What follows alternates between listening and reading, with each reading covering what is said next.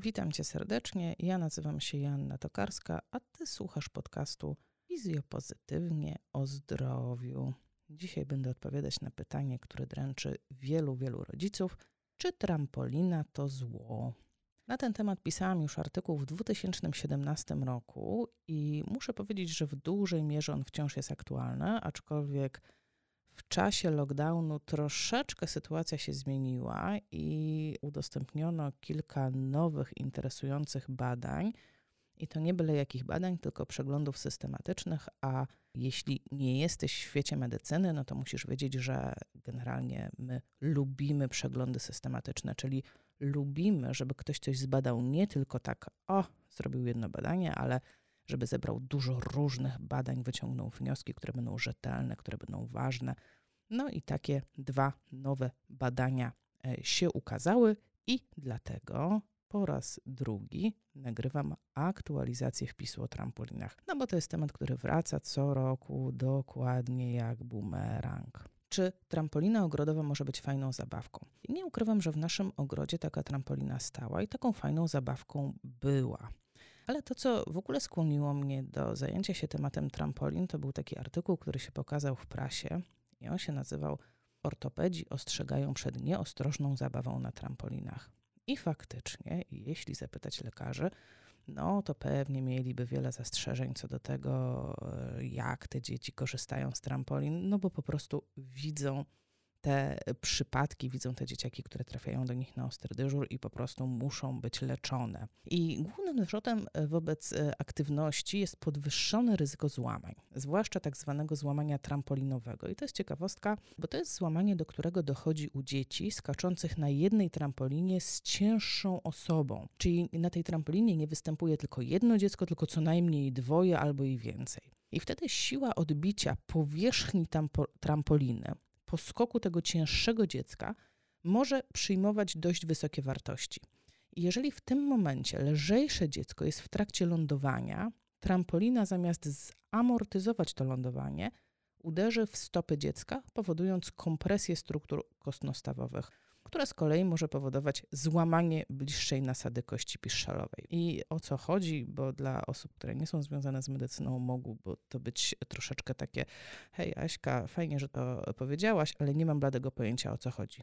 Chodzi o to, że w momencie, w którym odbija się cięższa osoba i w tym samym momencie spada na trampolinę lżejsza osoba, to ta trampolina tak jakby uderza w nogę tej lżejszej osoby, powodując tak mocne siły, że może wręcz złamać jej kość. Tą kość, która jest, że tak powiem, bliżej stopy, czyli kość piszczelową, tą, która najczęściej boli, jak przykopiemy na przykład w jakiś e, kant łóżka. Kolejnym zarzutem, który się pojawia, jeśli chodzi o skakanie na trampolinie, to jest możliwość wystąpienia zespołu dziecka potrząsanego.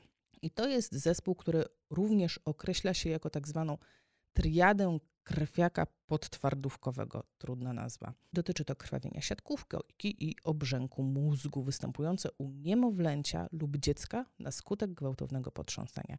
I to są te słynne zalecenia, że nie wolno potrząsać dzieckiem, bo rzeczywiście może wystąpić u niego zespół tego właśnie potrząsania. Co warto wiedzieć? Że te uszkodzenia powstają w wyniku ruchów rotacyjnych, czyli takich ruchów skrętnych mózgu względem czaszki. Czyli jakbym sobie wyobraziła mózg, który jest w czaszce, to on po prostu kręci się na boki. Podczas rutynowych zabaw, czy w przypadku upadków, mózg jednak porusza się liniowo, czyli przód, tył czy na boki. Dlatego w większości wypadków dzieci jednak dobrze tolerują jakieś upadki i tego typu drobne urazy. Brzmi to poważnie wszystko, ale przyjrzyjmy się faktom, jak to wygląda tak no, naprawdę w dużych badaniach naukowych. Już w 2006 roku w Norwegii przeprowadzono badanie na 556 pacjentach po urazie związanym z aktywnościami na trampolinie. I badanie to obejmowało wszystkie grupy wiekowe, wszystkie rodzaje uszkodzeń.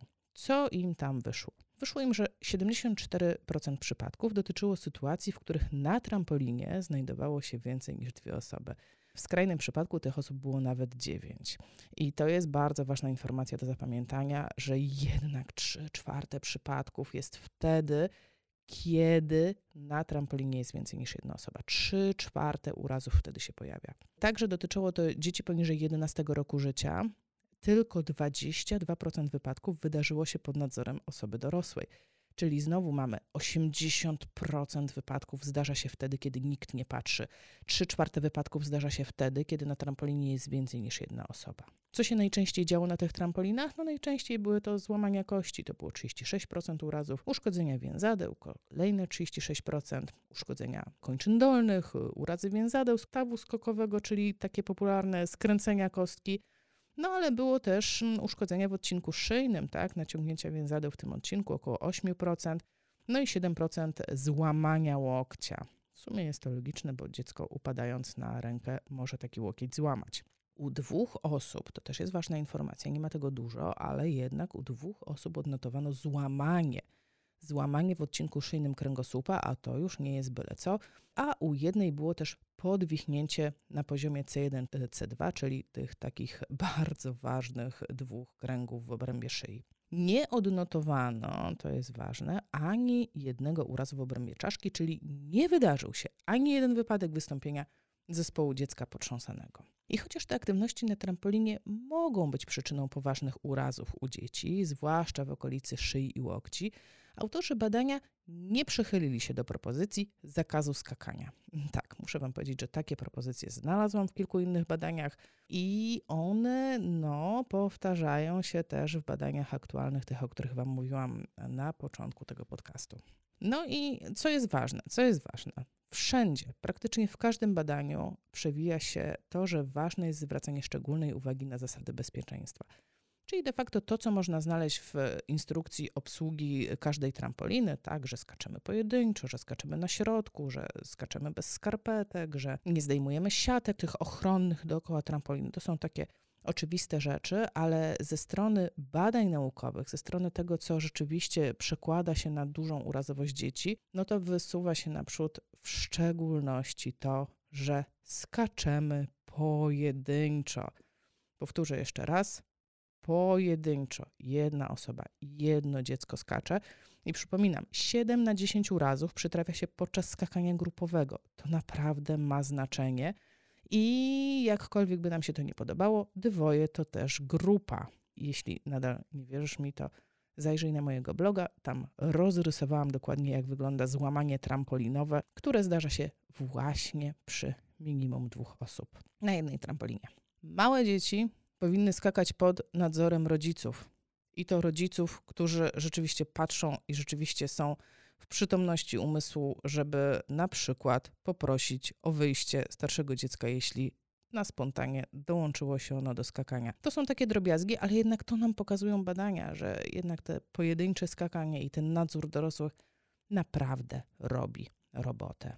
Więcej porad, jak bezpiecznie skakać, znajdziesz na blogu w moim wpisie o trampolinach. Chciałabym również, żeby pokazać, że to nie jest tak, że trampolina to tylko urazy, urazy, urazy, ale że jednak ona ma również udokumentowane korzystne działanie dla wielu grup, na przykład dla kobiet z nadwagą, dla dzieci z rozwojowymi zaburzeniami koordynacji, dla dorosłych połudarzy, dla osób starszych. Tych korzystnych wpływów jest dużo, dużo więcej. Naprawdę warto z tego korzystać, ale korzystać z głową. Bo co się wydarzyło w czasie lockdownu? Wydarzyło się to, że urazy związane z korzystaniem z trampoliny słuchajcie, wzrosły, uwaga, o 168%.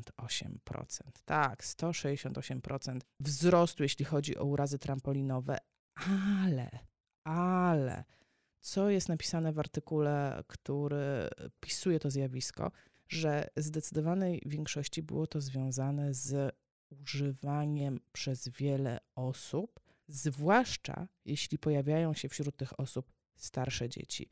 No i to jest artykuł, ja oczywiście linkuję go również w źródłach do wpisu, o których Wam opowiedziałam. W tym artykule zaleca się pracownikom ochrony zdrowia, aby odradzali rodzicom używanie trampolin. I no cóż, kimże ja jestem, żeby dyskutować z tymi badaniami? Tak napisali, więc mm, tego się trzymali. Jednakże w drugim przeglądzie systematycznym mamy dane, w których widać, że te miejsca, w których najczęściej uszkadzały się czy dzieci, czy osoby dorosłe, to były miejsca, gdzie skakano na dużych trampolinach, na takich parkowych trampolinach w miejscach publicznych i że w większości te uszkodzenia dotyczyły dzieci i kobiet, a mniejsze prawdopodobieństwo uszkodzenia miały osoby, które wykorzystywały mini trampoliny, wykorzystywały te domowe trampoliny i no tutaj wychodzi, że no jednak mężczyźni, mężczyźni uszkadzają się mniej. Także jeśli zapytacie mnie, czy jestem przeciwna w ogóle zakazowi korzystania z trampolin, nie, absolutnie. Uważam, że mają one wiele wartości, ale jednocześnie jeśli zapytacie mnie, jak korzystać, żeby więcej było wartości niż ryzyka, no to po prostu trzymać się zasad bezpieczeństwa. To nie jest trudne. Decyzję o tym, czy korzystać, czy nie, pozostawiam każdemu z osobna, ale warto wiedzieć, na czym to polega. Do następnego razu. Joanna Tokarska.